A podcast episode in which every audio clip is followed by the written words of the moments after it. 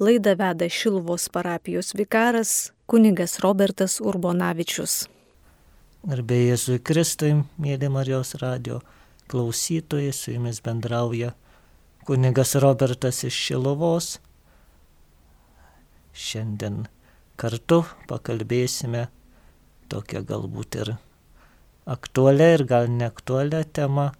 Tai yra ar skaistumas tebėra vertybė ir kas apskritai šiais laikais yra skaistumas. Ar beverta apie jį galvoti, ar, ar beverta apie jį kalbėti. Šitą pokalbių temą ir išprovokavo nesenai mano paties perskaityta knyga. Tai yra Giuseppe Forlai skaistumo akibrokštas, kas yra skaistumas ir kaip jis mus gydo. Šią knygutę išleido Magnificat leidyklos leidiniai. Tikrai, nors knygos pristatomos per kitą Marijos radio laidą, bet norėtųsi parekomenduoti ypatingai tiems, kuriems šita knygutė pirmiausia skirta, tai yra pašvestiesiam tiek kunigams, tiek vienuoliams, tiek ypatingai, manau, seminaristams. Visi, kurie ne teorijoje, o praktikoje susiduria su skaistumu, gyvena ar stengiasi gyventi skaistų gyvenimą. Ši knygelė tikrai yra geras padėjėjas ir vadovas, paaiškinantis, padrasinantis ir, ir pamokantis Tad šiandien ir pabandysime tiesiog pasiremdami ir šią knygutę ir kitomis išvalgomis pakalbėti apie skaistumą. Pirmiausia, gal būsų kaip ir pokalbio moto, tai yra šventojo Zaoko siro mintis. Jisai sako, kas yra tyrumas arba kas yra skaistumas ir atsako, tai širdis jaučianti gailestingumą kiekvienam kūriniui. Atrodytų šita mintis. Liktai nieko tiesiogiai su skaistumu ir neturi. Jeigu mūsų paklaustų, kas yra skaistumas, tai atsakytume, kad lytinių santykių neturėjimas. Bet pasirodo, kad yra daug plačiau ir daug giliau nei vien tik, vien tik kažko nebuvimas. Skaistumas yra visada pozityvu ne tai, kad negatyvu. Turbūt visi sutiksime ir niekam, niekam galbūt nekils prieštaravimų, kad mūsų laikas yra skaistumui priešingas arba skaistumo nevertinantis laikas. Gyvename po seksualinės revoliucijos įvykusios 20 amžiaus 70-metyje, kuomet tai, kas ilgus metus, ilgus amžius buvo tarsi tabų, kas buvo viešai nekalbama, staiga tapo laisva ir priimtina ir netgi gero tono ženklas būti, kaip dabar sakomas, seksualiu, turėti daug partnerių, turėti daug patirčių, tai yra tikro gyvenimo simbolis. Ar televizija, ar internetas, ar radija, ar žurnalai, visur matysime, kad seksualumas, netgi kūno kultas yra labai ir super svarbu. Ypatingai mūsų jaunimas, jaunoji karta tikrai auga nuolat atakuojama to palaidumo dvasios, kuri puola per mintis, puola per per idėjas, puola per santykius ir kur viskas apverčiama aukštyn kojom. Viskas tampa įprasta tai, kas anksčiau buvo ar suvokiama kaip negalima, kaip, kaip neteisinga. Tai ir lytiniai santykiai iki vestuvių ir apskritai tos pačios lyties santykių normalizavimas ir iškėlimas Dabar girdime apie LGTB, tai yra tas judėjimas, homoseksualų potraukį turinčių žmonių judėjimas, dažniausiai politizuotas, net ir tas pats terminas net yra kartais įtraukiamas ir į bažnytinę aplinką, tai yra kalbant, sakoma, LGTB katalikai, jų selovada, tai galbūt nėra nieko nei blogo, nes rūpintis reikia kiekvieno, kiekvieno tikinčiuoju, kuris turi vienokių ir kitokių bėdų, bet turbūt šioje temoje apie skaistumą verta iškelti tai, kad turbūt pirmą kartą žmonijos istorijoje, sakytume taip, žmogaus lytinė orientacija arba lytinis potraukis iškeliamas į pirmą vietą. Tai yra tarsi žmogus apibrėžimas pagal tai, kokį potraukį turi. Jau vakarų pasaulyje tapo įprasta net ir ne tik toj populiarioje kultūroje, ne tik žiniasklaidoje, bet ir teisiniuose dokumentuose. Tai yra sakoma, aš esu gėjus, aš esu lesbietė, aš transseksualas, aš, aš esu heteroseksualas, aš biseksualas, aš panseksualas. Tai yra daugybė terminų, kurie nubrėžia tavo, tavo lytinį potraukį ir, ir tai tampa tavo identifikavimu. Tai yra asmuo identifikuojamas pagal tai, kas įtraukia, ką jisai jaučia. Turbūt tai yra paties žmogaus nudaiktinimas, kad žmogus suredukuojamas į vieną į vieną sritį. Tikrai niekas nevadina žmonių, jeigu jisai turi potraukį daug valgyti, jisai ne pats savęs turbūt nevadina kokiu rijūnu ir įsižeistų, jeigu kas taip jį vadintų, nes tai yra tik viena jo gyvenimo dalis. Ar sakytume kažkoks kitas potraukis kitoj srity, gal kažkoks ten. Ar, ar rinkti kažką irgi neapima viso žmogaus gyvenimo srities ir tas žmogus neprisistato, kad jis yra, sakytume, filatelistas, katalikas ir prašau gerbti mano teises, nes tie, kurie nerenkat pašto ženkliukų mane diskriminuojate. O šitoje vietoje lytiškumas, kuomet iškeliamas į žmogaus tapatybę, gaunasi tas, kad manęs jeigu neprima mano išraiškos, tai aš esu nuskriaustas ir mane reikia ginti. Tai žinoma yra atskira tema, bet šiandien kalbant apie skaistumą, tą verta pabrėžti, kad kaip labai lytiškumas lytiškumo apraiškos yra iškeltos į esminės, esminės žmogaus poreikius. Tarsi tai, ko aš trokštų, ką aš geičiu, arba sakytume, mano lovos reikalai, jeigu taip paprastai kalbant, yra paverčiami mano viso gyvenimo moto ir net valstybinio lygmenio. Taip tikrai neturėtų būti. Tad apie skaistumą kalbėti reikia ir turbūt dažnai mes ir bažnyčios žmonės, ar tai būtų kunigai ar katechetai, dažnai įmame irgi žiūrėti pro pirštus į šitos dalykus, tiesiog nebėra patogu, nebėra smagu apie tai kalbėti. Tarsi apie tai kalbant, mes kai kokie pasidarom viduramžių fariziejai, kurie tik tai prikaištauja dėl kiekvieno dalyko užsimerkiama jau ir tikriausiai užsimerkiama, kad ir dauguma sužadėtinių, kurie rengiasi santokai, jau tikrai nėra skaistus ir turi lytinius santykius, tai yra imituoja šeimą dar iki šeimos sukūrimo jau tas tapo norma.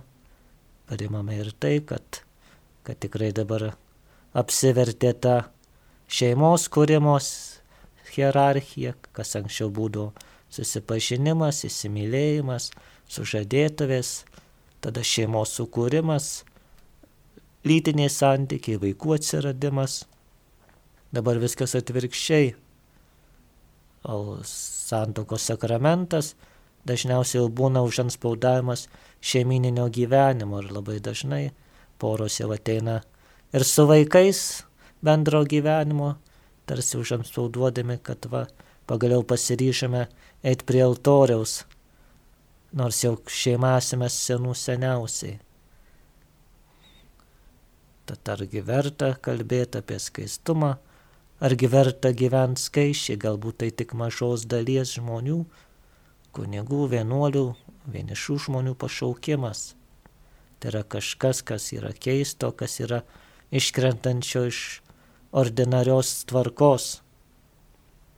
Tad šie mitai ypatingai, kalbant apie lytiškumą, apie jos sureikšminimą, turbūt ir trukdo pažinti skaistumą. Tai yra, ką jau kalbėjom, kad arba seksualumas labai iškeliamas, kad tai yra neturėti lytinių santykių, tai yra tragedija, nes dažniausiai celibato priešininkai arba jo nesupratėjai, netgi tarp pačių tikinčiųjų, visada galvoja, kad tai yra kažkas tokio, kas žmogų turbūt sužaloja ne, negryžtamai. Tačiau visi žinome, kad nesame gyvūnai, kurios veikia instinktai jiems užeina ruja ir jie turi rujoti, nes taip yra nustatyta. Mes žmonės galime valdyti savo potraukius. Netgi ir dabar, jeigu tai nebemadinga iš tikrųjų, ne vienas, kuris priešinasi tikrai gali atsilaikyti prieš bet kokias pagundas, jeigu tikrai to nori ir ne vienas turbūt nenumerė nuo to, kad neturi lytinių santykių. Mirštama nuo bado, mirštama dehidratacija atsitikus, tačiau neteko girdėti, kad būtų numirta, kas gyveno susilaikime. Taip pat kartais tas perdėtas skrupulingumas, kuomet kūnas, lytiškumas laikomas priešu, tai yra tas puritoniškumas, tai yra, kad tarsi kūnas yra priešas, kūniški dalykai, lytiniai dalykai yra priešingi dvasia ir galbūt ta seksualinė revoliucija kilo dėl to, kad ilgą laiką taip ir buvo visuomenėje mokoma ir teigiama, nors tai netitiko tos tiesos, kad, kad reikia tvardytis, reikia nekalbėti apie tuos dalykus, reikia vengti bet kokio lytiškumo saviraiškos, nors Šventasis raštas, mūsų bažnyčios mokymas teigia priešingai, kad kūnas, lytiškumas yra Dievo dovana žmogui.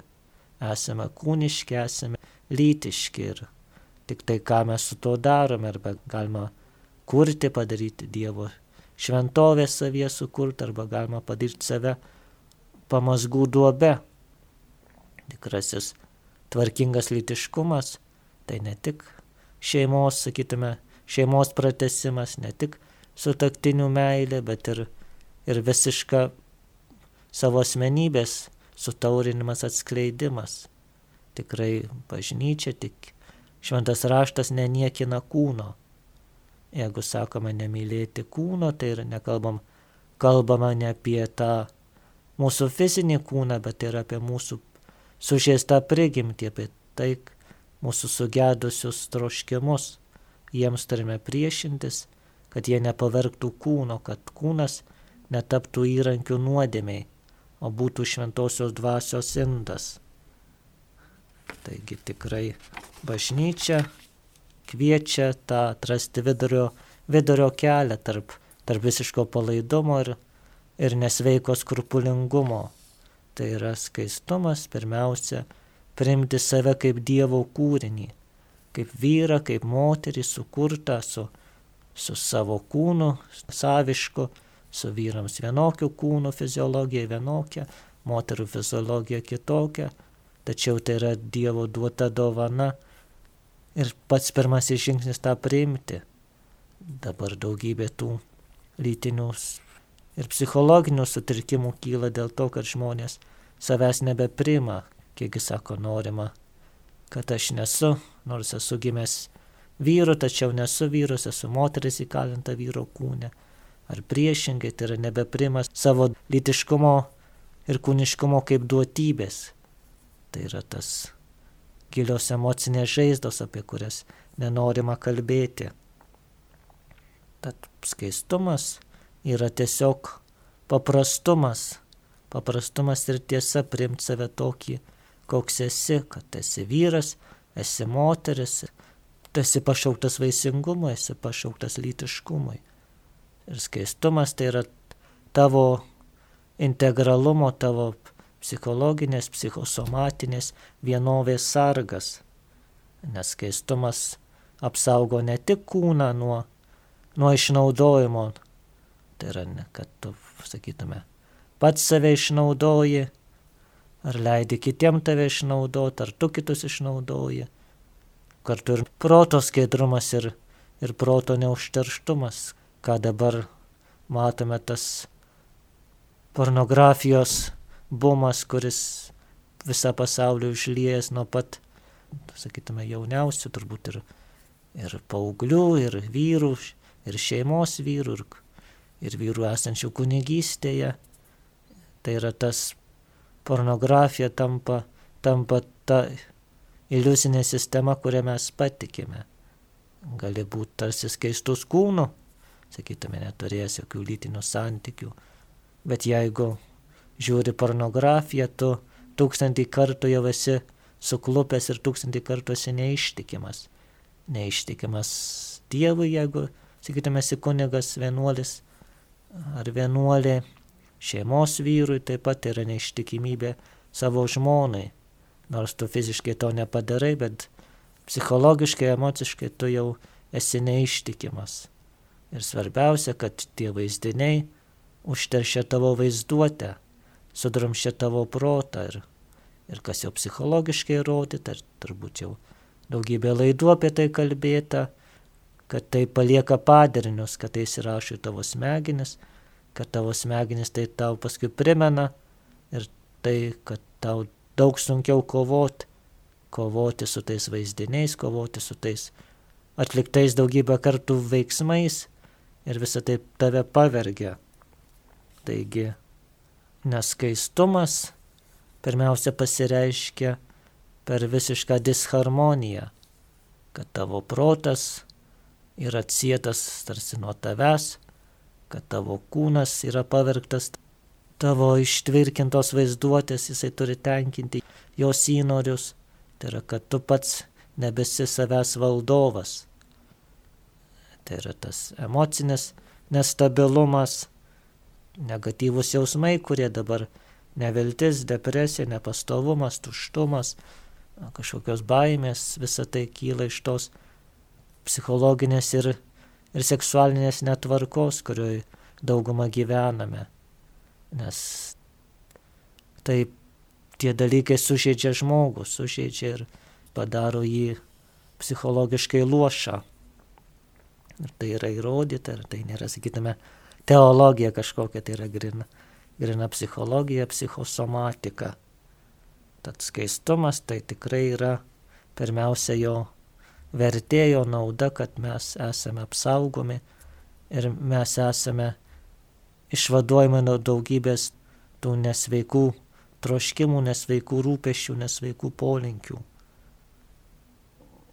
Nes neskaistumas pirmiausia tai yra įkalinimas savęs savyje, tai yra nors ieškodamas kažkur pasitenkinimo, aš tarsi ieškau kito, bet iš tikrųjų aš tik galvoju apie save. Ir tas liūdėsys nesumažėja, tas vienišumas neišnyksta, bet padaugėja. Yra per daugybę porų tą kalbą ir, ir mokslininkai, ir psichologininkai, ir dvasininkai pastebi, kad galima gyventi šeimoje, galima, sakytume, miegoti vienoje lovoje, tačiau jaustis vienišiem jeigu nejungia gilesni dalykai, tai yra draugystė, bendri santykiai, bendri pokalbiai, atvirumas, tai tikrai lytiškumas tų spragų neužpildys, bet tik tai jas pagilins. Todėl daugybė skirybų, daugybė šeimų iš nelaimingų dėl to, kad žmonės pažįsta vienas kitą tik fiziškai, tai yra susijungia jų kūnai, tačiau jų sielos, jų dvasinis pasaulis, jų psichologiniai pasaulis nesusitinka, jie lieka vienas kitam nepažįstami, jau kiek ilgai du nepažįstami žmonės gali kartu gyventi. Tai nenuostabu, kad tos šeimos ir išyra. Vien dėl to, kad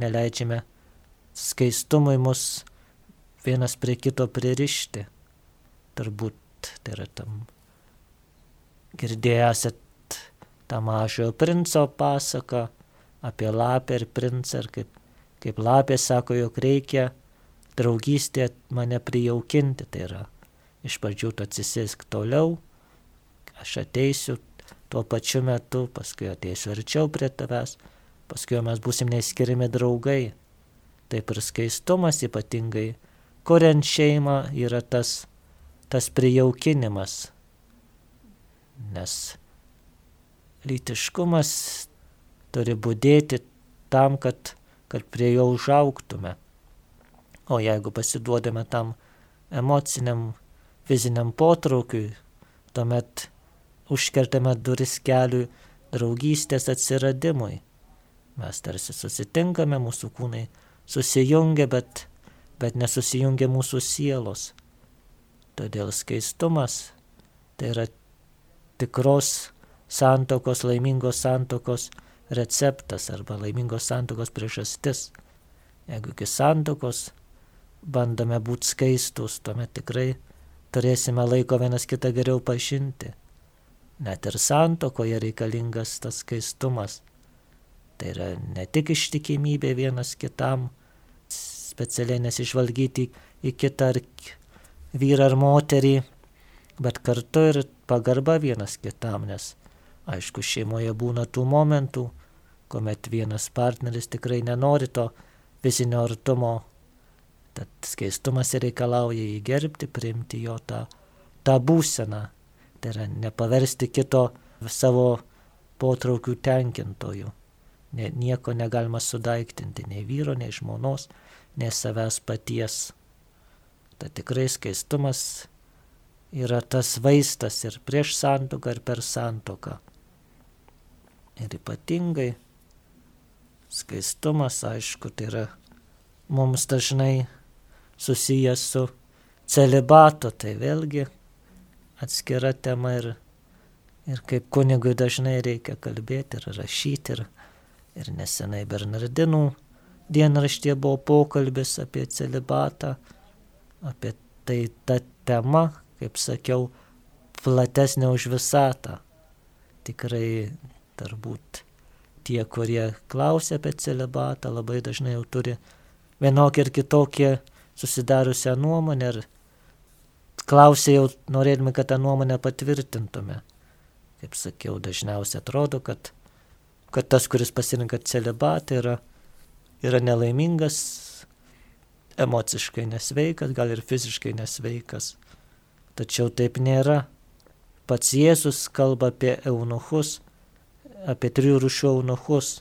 Tai yra eunuchai, kurie tokie gimė, tai yra, sakytume, neturintys lytinio potraukio dėl kažkokių priežasčių.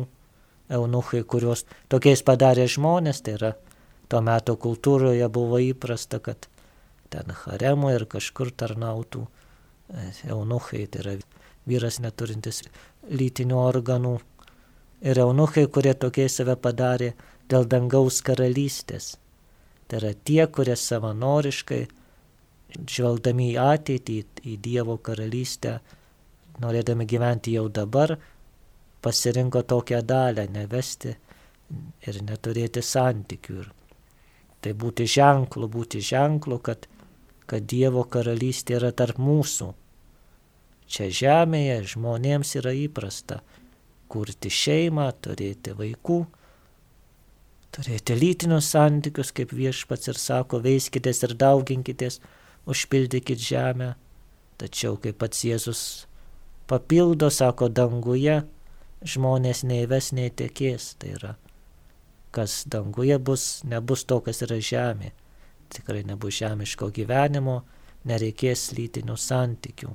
Tad tas, kuris pasirenka skaistumą dėl dangaus karalystės, jau pasirenka dangų iš karto. Jisai skelbia, kad aš aš esu dangaus, dangaus tarsi ženklas.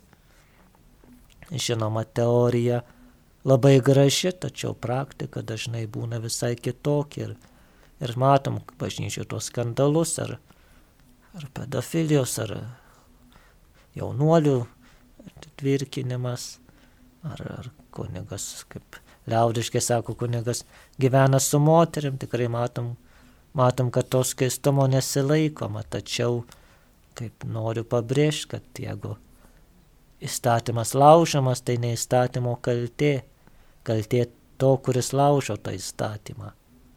Taigi čia suklupimas prieš skaistumą yra, yra mano paties kaltė, neturiu kaltinti nei bažnyčios, nei, nei popiežiaus, nei Dievo.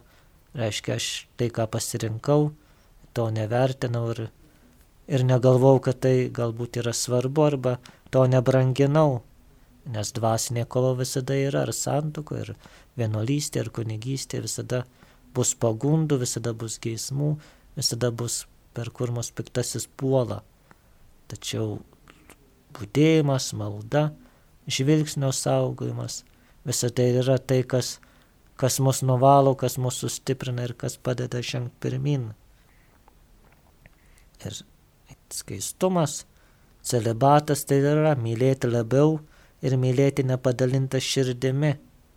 Turbūt žinote tą įvykį, kuomet po prisikėlimo Jėzus pasirodo savo mokiniams ant ešero kranto, duoda jam pusryčius ir pavalgius klausia Petro, Petrai Simon Jono sūnau, ar tu myli labiau mane negu šitie? Taigi šis klausimas tarsi simbolizuoja celibato prasme. Kunigo vienuolio, to, kuris pasirinko celibatą klausimą, ar tu Jonai, Marytė, Antanai, ar tu myli mane labiau negu visi kiti, kurie turi šeimas, kurie pasirinko šeimos gyvenimą? Ar tu nori man, mane sekti visiškai, tai yra nepadalyta širdimi? Nes šeimoje tau kaip vyru ir žmonai visi tu turi mylėti savo sutoktinį, mylėti savo vaikus, jos jais rūpintis Kartais Dievui tikrai nelieka tos vietos, arba jos lieka mažiau. Ir tai turbūt normalu ir viešpats nereikalauja, kad šeimos žmogus būtų vienuolis. Tai yra, kad daug melstusi, kad nešėtų iš bažnyčios ar visa kita.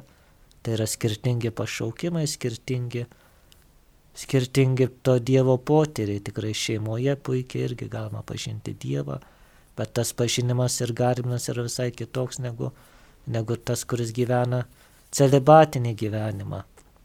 Todėl nereikia nesumaišytų pašaukimų ir, ir tas celibatas tai yra ne tai, kad geresnė dalis, bet tai yra ypatingas pašaukimas. Pašaukimas įsižadėti to, kas žemiška, tam, kad labiau mylėtume Kristų. O labiau mylėti Kristų reiškia nieko. Nereiškia nieko kito, kaip tik labiau tarnauti artimui. Todėl ir kunigas, ir vienuolis yra kviečiamas tam skaistumui ne tam, kad taptų senbernio ar senmergė, gyventų patogiai, kad va nėra žmonos, nėra vaikų, vyrui nereikia apskalbti, nereikia jam valgyti, gamyti, aš galiu gyventi savo, galiu būti patogus, galiu rūpintis tik savimi, tai nėra nei skaistumas, nei celibatas, bet yra senbernystė ir senmergystė pačia blogiausia prasme. Ir Tikrai viešpačiui tai nepatinka. Skaistumas dėl dangaus karalystės, kuriem pašvesti yra kviečiami, tai yra pirmiausia, jie yra išlaisvinti nuo to šeimos rūpeščių, ne tam, kad gyventų patogiai, bet tam, kad tą laiką skirtų tarnystė.